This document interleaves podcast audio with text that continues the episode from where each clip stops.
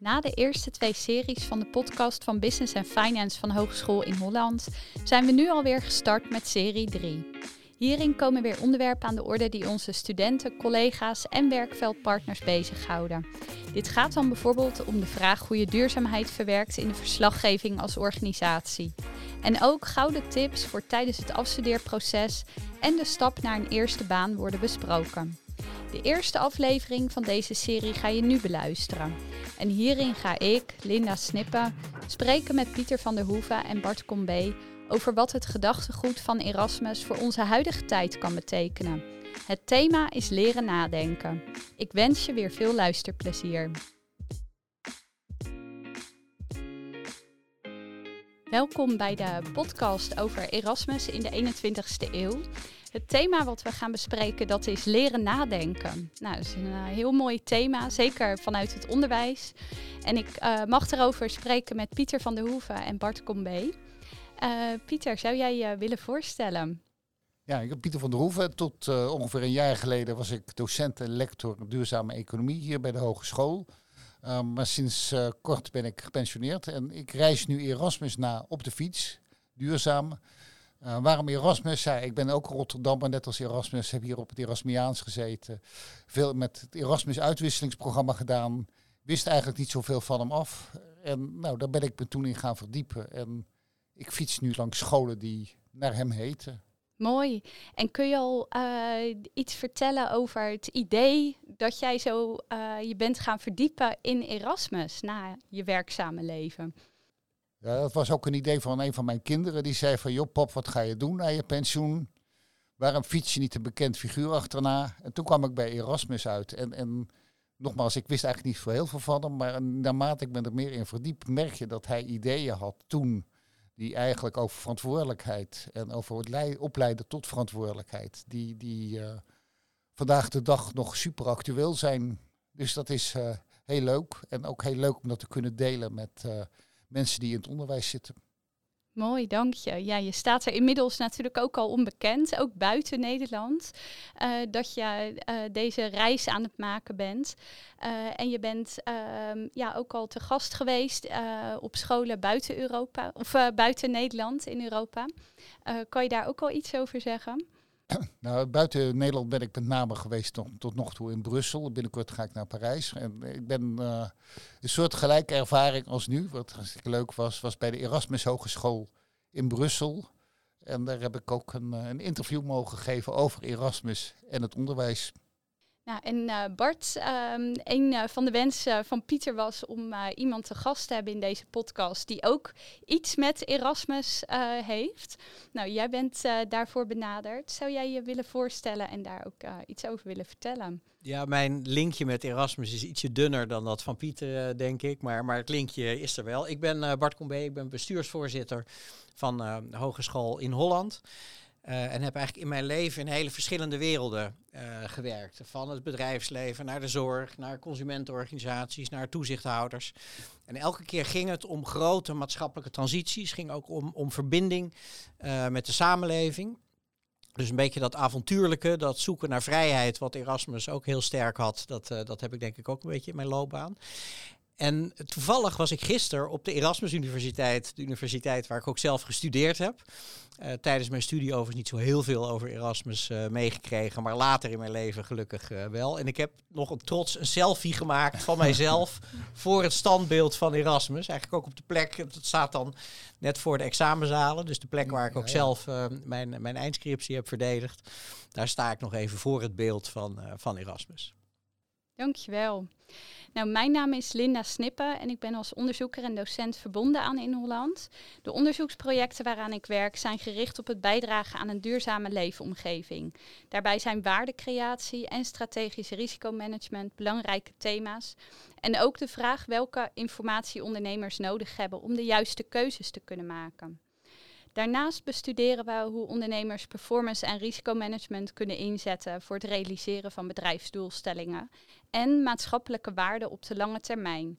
Wat je misschien niet zou verwachten is dat risicoleiderschap en scenario denken daarin een veel grotere rol spelen dan het afvinken van risicolijstjes. Nou, in deze podcast ben ik uh, host, dus ik zal vooral de vragen stellen. Uh, en uh, nou, misschien ook nog wat ideeën van mezelf ook delen tussendoor. Um, nou, ik zou graag willen beginnen met, met de eerste vraag aan Pieter. ja, wat kun je vertellen over het gedachtegoed van Erasmus? iedereen bij scholen die ik kom, als mensen wat van Erasmus weten, dan beginnen ze te roepen dat hij een humanist was. Dat wist ik ook toen ik op school zat. Maar dan is toch een vraag, wat, wat houdt dat humanisme dan in? En dat houdt eigenlijk in dat je de mens voor laat gaan op de theorie. Dat de theorie moet dienen voor de mens en niet, niet omgekeerd. Nou, en dat is uh, iets waar hij uh, zich altijd voor ingezet heeft. Dat dat in het onderwijs uh, ook tot, tot uitdrukking komt. Dat je veel leert, dat je ook de klassieke oudheid bestudeert, oude theorieën bestudeert, maar dat je dat allemaal doet met het idee van we gaan mensen daarmee helpen.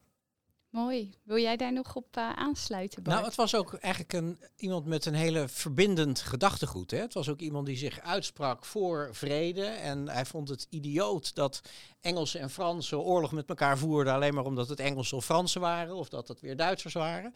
Dus daar hield hij vurige pleidooien voor. Um, en, en vrijheid was een heel belangrijk uh, thema voor hem. En, en, ik, en het is natuurlijk een soort oer-Europeaan. Dus de Europese gedachte is nou bij uitstek iets wat, uh, wat Erasmus uh, heeft belichaamd. Ik kwam een keer in, bij in Leuven. En daar vroeg ik ook aan een aantal mensen van, wat weet je van Erasmus? En daar was één hoogleraar die, die begon meteen een heel verhaal enthousiast te vertellen. Wat jij nu ook zegt, Oer-Europeaan, fantastisch figuur. Um, zo moeten we er meer van hebben. Maar waarom, waarom, moet dat, waarom vraagt u dat eigenlijk? Nou, en, uh, maar dat inderdaad, ja. En wat heel interessant is, het was een heel gelovig man, hè, Erasmus. Um, en, uh, maar hij leefde natuurlijk in de tijd van de reformatie die toen uh, opkwam. Het was iemand die die beweging ook heel goed begreep, maar zich er niet aan overgaf. Dus hij bleef toch ook wel kritisch tegenover de reformatie, maar ook ten opzichte van de katholieke kerk. Dus, dus het was een hele onafhankelijk denker. En dat werd hem dan ook van beide kanten verweten. dus, dus uiteindelijk heeft hij, dat was misschien ook wel de tragiek van hem, dat waar hij eigenlijk verbindend wilde zijn op ideeën, werd hij in kerkelijke kringen, zowel door de uh, door de mensen uit de remonstratie en de mensen, of de reformatie, pardon, en de mensen uit de katholieke kerk, werd hij beide eigenlijk, uh, daar maakte hij vijanden. Hij heeft ook natuurlijk een aantal keer moeten vluchten. Ja. Ja, en hoe zouden we dan uh, met grote veranderingen in organisaties en samenleving om kunnen gaan vanuit het gedachtegoed van Erasmus? Want jullie noemen vooral nou ja, het onafhankelijk nadenken, de verantwoordelijkheid en vrijheid. Nou, dat zijn natuurlijk ook twee uh, uitersten op, uh, op dezelfde schaal. Hè. Vrijheid en verantwoordelijkheid hangt ook heel erg met elkaar samen. Wat kunnen grote, ja, wat kunnen organisaties daarvan meenemen nu?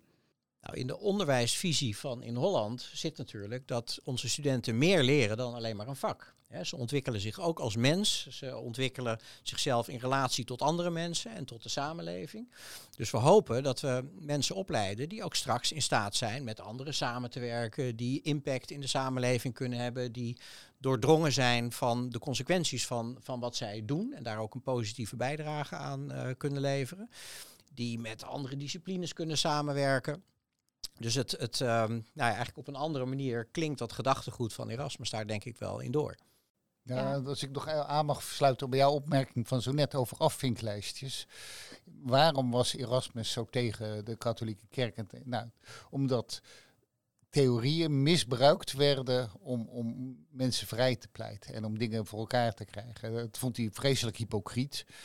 Um, en we neigen nu ook naar afvinklijstjes, jij noemt het woord, maar dat is eigenlijk in feite ook verantwoordelijkheid wegschuiven. En dat zou hij ook hypocriet vinden. Hij zou zeggen, neem zelf de verantwoordelijkheid en verschuil je niet achter een lijstje. Maar die lijstjes worden ons, nou, we zitten in een, in een spiraal, lijkt het soms wel, van waar hij ook in zat. Ja. De dingen opgedrongen worden en... Uh, ja, nou ja, sinds uh, de laatste jaren verdiep ik me dus meer en meer in risicomanagement. En ja, ik weet ook niet of ik de term zo goed vind passen bij wat we er nou eigenlijk mee beogen.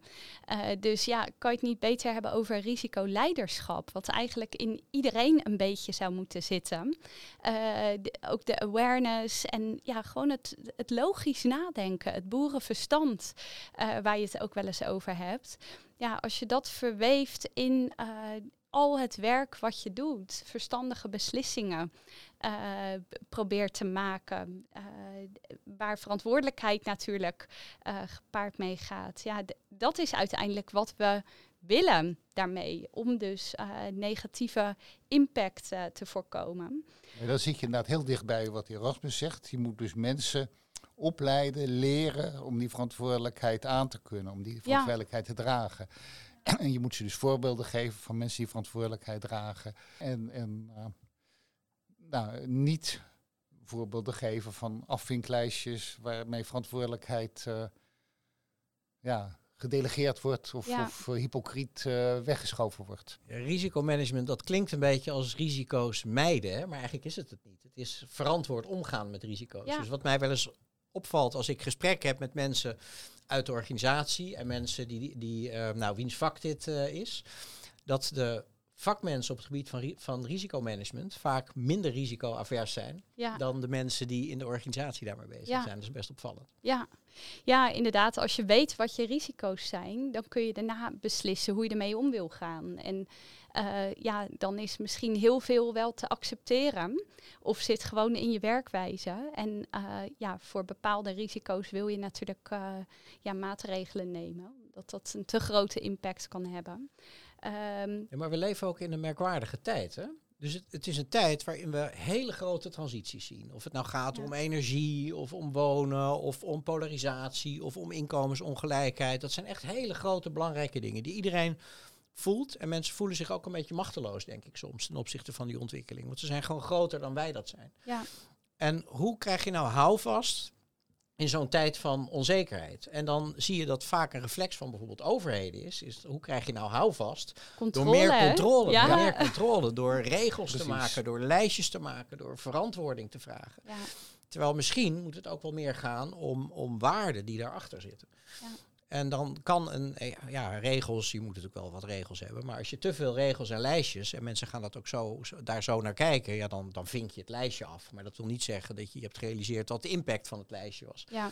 En dan heb je misschien wel minder verantwoordelijkheid genomen dan dat je meer verantwoordelijkheid hebt genomen. Ja, omdat je alleen maar bezig bent om niet over de, de grenzen per ongeluk heen te stappen. Terwijl je veel liever vanuit een visie naar de toekomst wil kijken en kijkt wat je kunt bijdragen daaraan. Dus ja, die manier nou ja, mensen van kijken. vinden onzekerheid lastig. Onzekerheid is ook lastig. Dus je probeert manieren te vinden om om te gaan met die onzekerheid. En wat ik een heel mooi voorbeeld vond. Um, Misschien uh, weten jullie nog uh, 2008, 2009, toen de grote financiële crisis uh, uitbrak met het faillissement van een aantal gro grote banken en ook andere banken die met heel veel gemeenschapsgeld gered eh, moesten worden. En daar waren mensen ontzettend voor. Het gaf een enorme klap. Maar mensen waren er ontzettend verontwaardigd over. En toen is er een hele grote hervorming van dat hele bankwezen tot stand gekomen om te voorkomen dat dat ooit in de toekomst nog een keer zou kunnen gebeuren. En wat opvallend was, in 1929 is er hè, met de grote beurskracht in uh, Amerika is er, is er ook zoiets gebeurd. En daar kwam ook een reactie van regelgeving op. En wat, wat ik zo boeiend vond, is dat um, de, de, de juridische reactie in Amerika op die beurskracht in 1929, dat was de Glass-Steagall Act, zo heet die. En die telde 36 pagina's. 36. Ja.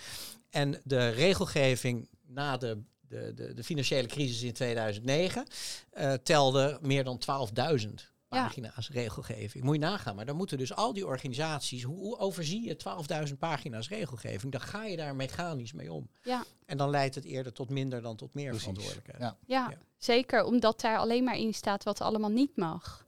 Ja. ja. En nou ja, ook, we hebben het ook steeds over de houding. Hè, en ja, hoe we studenten proberen op te leiden. Nou, dat is aan de ene kant natuurlijk de kwalificatie, want je leert een vak.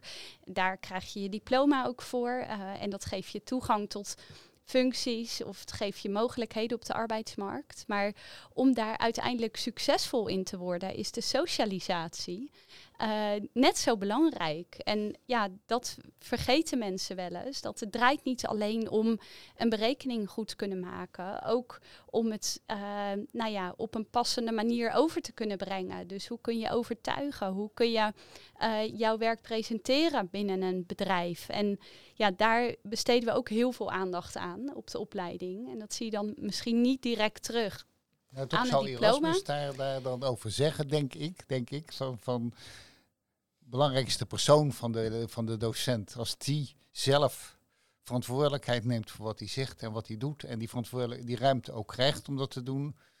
Dan nemen studenten dat mee. En als studenten ook eh, ja, in een keurslijf gedwongen worden en een docent in een keurslijf gedwongen wordt, dan, dan is dat kennelijk de norm. En dan leer je dus niet zelf verantwoordelijkheid dragen. Dat, dat, Ja. eh, en er is nog iets wat mij laatst, vorige, vorige week was dat, viel mij dat op. Toen, ik heb heel lang bij Hoogovens gewerkt in een logistiek manager. En het bedrijf heet tegenwoordig Tata en staat nogal onder, ligt nogal onder vuur. En toen was er een vrouw van de provincie die toezicht hield, inspectie op, de, op Tata. En die had er baan opgezegd en die was voor Tata gaan werken. En toen waren de reacties boos. Terwijl mijn eerste indruk was van, nou, dat is toch geweldig dat iemand kennis van zaken heeft en niet met het vingertje gaat wijzen. Maar geen woorden maar daden, maar het gaat, op, gaat proberen het op te lossen. En dan, dan vinden we toch kennelijk dat vingertje wijzen. In de reacties vonden we dat mooier. En ja, dat is, vond ik jammer. En dat Ja. denk ik ook dat Erasmus zou zeggen van, joh, eh, was ook een Rotterdammer. Geen woorden maar daden. Ja, en eh, wordt het leiderschap dan ook getolereerd? Hè? Want het is iemand die dus ehm, ja, blijkbaar niet een schuldige wil aanwijzen, maar juist denkt, wat kan ik eraan doen en hoe kan ik het beter maken? Ja, en ik denk dat er toch heel veel mensen wel opgegroeid zijn in Nederland met het idee van als er wat misgaat, dan moet daar een oorzaak eh, voor gevonden worden. Of het, een schuldige m- moet er worden aangewezen. En ja, dat hoeft natuurlijk niet. Kijk, het is goed om eh, te reflecteren, maar vooral ook om weer verder te gaan. En eh, En als je maar lang genoeg op die manier redeneert, dan tast dat natuurlijk uiteindelijk vertrouwen aan. Ja. En dat zien we ook gebeuren. Hè? Dus, dus Ja. we zien dat vertrouwen in instituties eh, afneemt. Ja. En uiteindelijk is dat natuurlijk een gevaarlijke ontwikkeling. Maar het gekke is dat die instituties zelf de burgers ook niet zo vertrouwen. Hè, dus, dus het is een heel, eh, vind ik, heel moeilijk dat een overheid eh, nou, bijna gefrustreerd redeneert van hè, wa- waarom vertrouwen onze burgers ons niet. Maar als de overheid zelf zijn burgers niet vertrouwt, hoe, Ja. hoe wil je dan ooit dat vertrouwen terug eh, krijgen? En we zitten in een verkeerd soort reflex waarin we ehm, vertrouwen proberen te herwinnen door controle te winnen, door regels te maken, door voor meer handhaving te zorgen. Dat ik eigenlijk denk dat we meer op waardeniveau ehm, ehm, eh, het eens moeten zien te worden en op waardeniveau elkaar ook aan kunnen spreken. Dat is Ja. een andere manier van een publiek debat. ja. ja, dus dat is eigenlijk al, eh, nou ja, dat je iets vertelt over verantwoording en vertrouwen, hoe zich dat tot elkaar verhoudt. Nou kan ik me ook herinneren dat we hebben gesproken over de waarde inclusiviteit, waar in Holland heel erg voor staat. Eh, met betrekking tot de Oekraïne-oorlog was dat eigenlijk heel makkelijk besloten hè, voor jullie, hoe we met die studenten zouden omgaan. Ja, ik vond dat een mooi voorbeeld. Kijk, waarden, dat zijn niet dingen die je een keer op de hei eh, verzint. Hè, want dan wordt het hele kunstmatige dingen. Maar die kruipen gedurende je geschiedenis langzaamaan in je DNA. En die maken onderdeel van wie je bent. En inclusiviteit, dat iedereen erbij hoort, het persoonlijke dichtbij je. Dat zijn echt dingen die, die ja, in de geschiedenis van in Holland bij ons zijn gaan horen. Dus dat zijn echte waarden. En inderdaad een heel mooi voorbeeld vond ik toen de oorlog in Oekraïne uitbrak. Dat gebeurde tijdens de voorjaarsvakantie, dus dan zijn ook mensen wat moeilijker bereikbaar.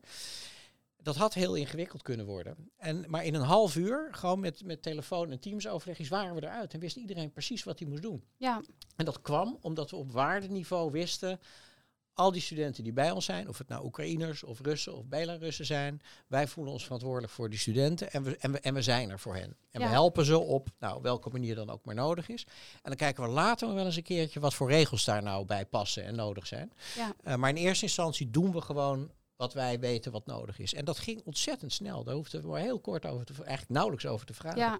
ja, ik was daar echt enorm van onder de indruk. Want ehm, ja, erbij horen en erbij mogen horen, ja, dat is heel fijn. Maar dat ervaar je eigenlijk pas op het moment eh, dat je echt een keer iets nodig hebt. Hè? Want het geven, dat vinden we vaak makkelijker dan het ook kunnen ontvangen. En ja, als je de, de pech hebt dat je uit een land komt waar een oorlog uitbreekt en eh, je hebt daar hier in Nederland heel veel praktische eh, belemmeringen door. Bijvoorbeeld dat je bankrekening niet meer eh, nou ja, eh, beschikbaar is voor jou. Of nou, Misschien kun je nog, Ja, dat soort praktische dingen kwamen er allemaal bij. Hè? Van wat doe je nou met studenten die geen toegang meer hebben tot hun bankrekening? Dat gebeurt in een aantal gevallen. Ja, formeel is het natuurlijk niet je taak als onderwijsinstelling om dat op te lossen. Toch hebben we in een aantal gevallen zijn we wel bijgesprongen, omdat we gewoon wisten, hè, tijdelijk, omdat we gewoon wisten dat die studenten ja, even geen ander alternatief hadden. En dan ga je later wel zorgen hoe je dat met regeltjes allemaal netjes nog voor elkaar eh, krijgt. Maar in eerste instantie hebben we gewoon gedaan wat nodig was. En dat was soms financieel, dat was soms in ondersteuning, dat was soms met helpen met allerlei organisatie, organisatorische dingen, hè, met, met vergunningen, vies, nou, noem allemaal maar op. Ja. Ehm, je kunt formeel zeggen dat is niet onze taak. Maar eigenlijk, ja, als je je verantwoordelijk voelt voor die studenten en ze komen er niet uit, dan Ja. denk ik dat je ze even moet helpen. Ja, en dan laat je vertrouwen, laat je dus eh, voorop lopen. En de verantwoording, ja, natuurlijk regel je die, maar dat is niet het eerste waar je dan aan denkt. Nee, eerst doen wat nodig is en daarna komen die regels. De vroeg of laat komen die natuurlijk nog wel eens een keer, maar wel in de goede volgorde. Ja, ja, ja, ik vind het een heel mooi voorbeeld. Ehm, ja, ik zit ook nog even te denken van verantwoording en vertrouwen, hoe zich dat verhoudt tot elkaar. Ja, hoe kunnen we dat verder vertalen eh, naar de huidige tijd en ook het onderwijs van nu? Ja, het gaat inderdaad over regels. En natuurlijk als onderwijsinstelling hebben we regels voor, voor, voor, voor opleiden.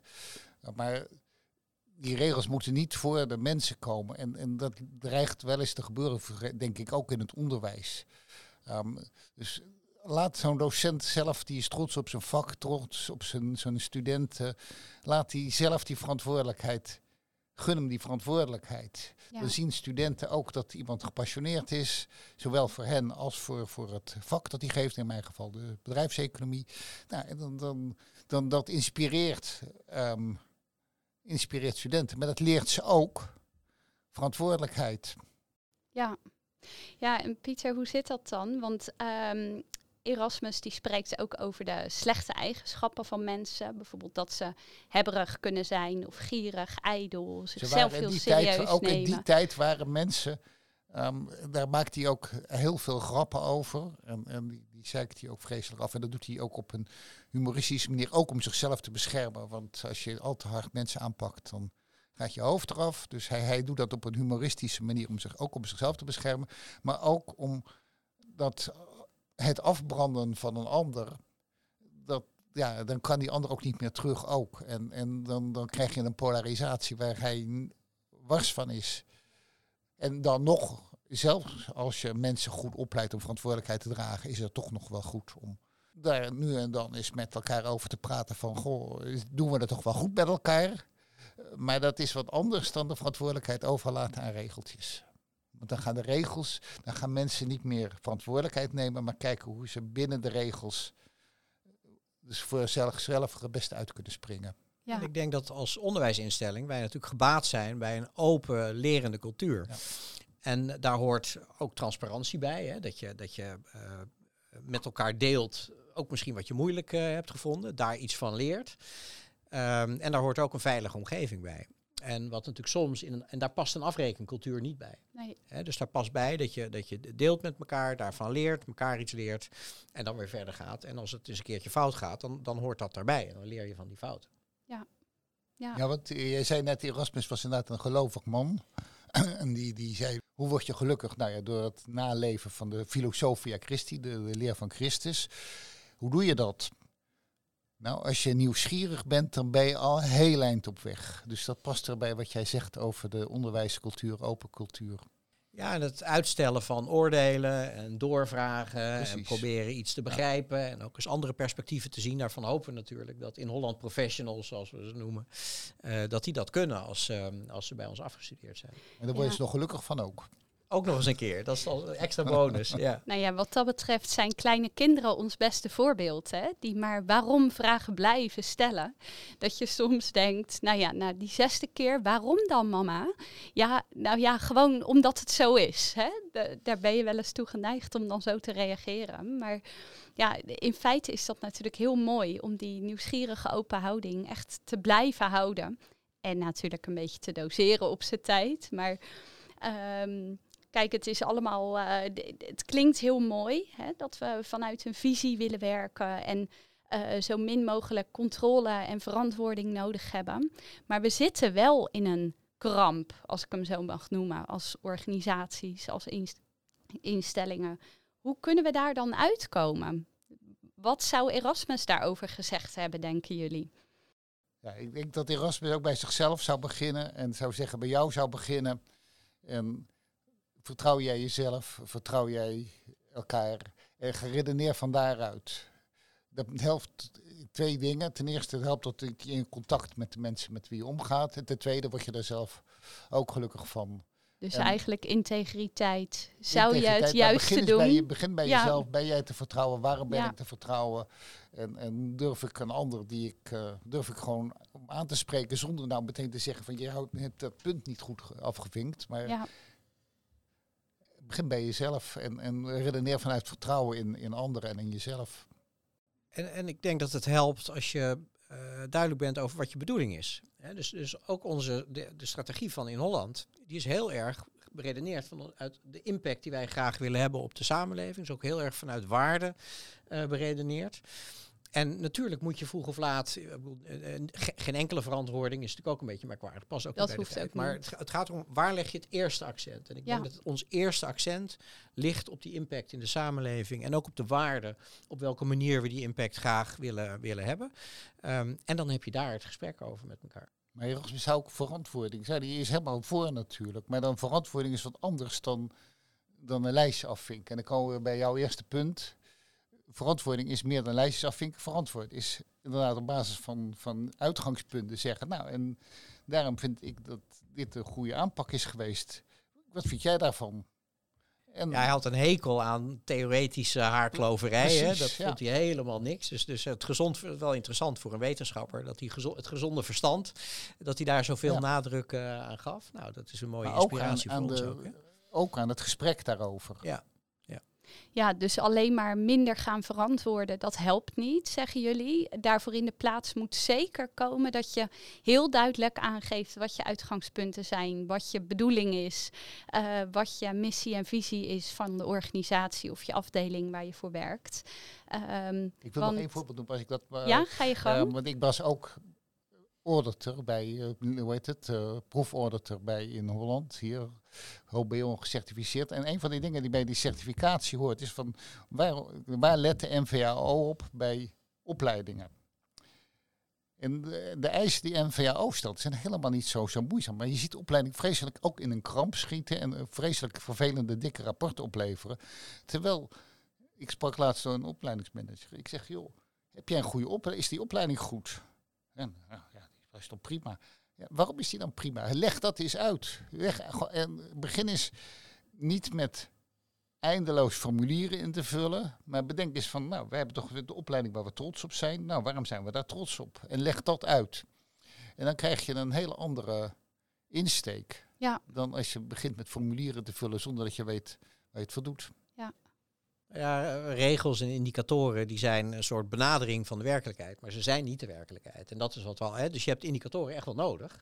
En je hebt ook criteria nodig. Alleen ze zijn een benadering van de werkelijkheid. En je moet er altijd over na blijven denken. Waar wijkt de werkelijkheid misschien net een beetje af?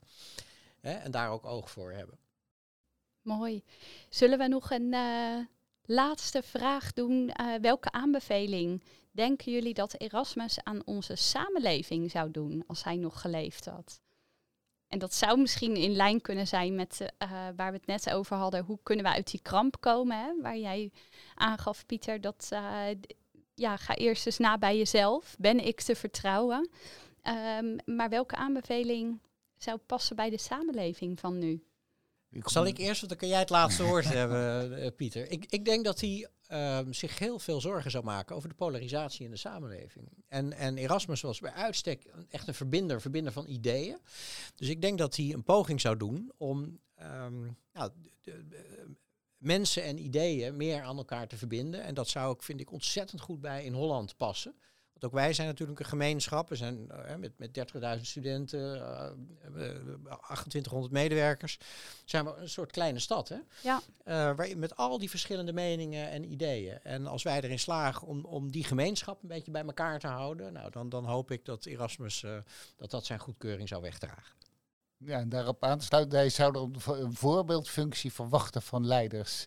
Dus leiders die zich niet verschuilen achter, achter regeltjes, maar leiders die, die voor een mening uitkomen, een visie hebben en eerlijk op basis van die visie redeneren. En leiders zijn ook docenten overigens, maar dat zijn ook eh, de wereldleiders, die, die, daar zou hij een eh, ethische houding van verwachten en, en ook verwachten dat ze staan waarvoor ze zeggen te staan.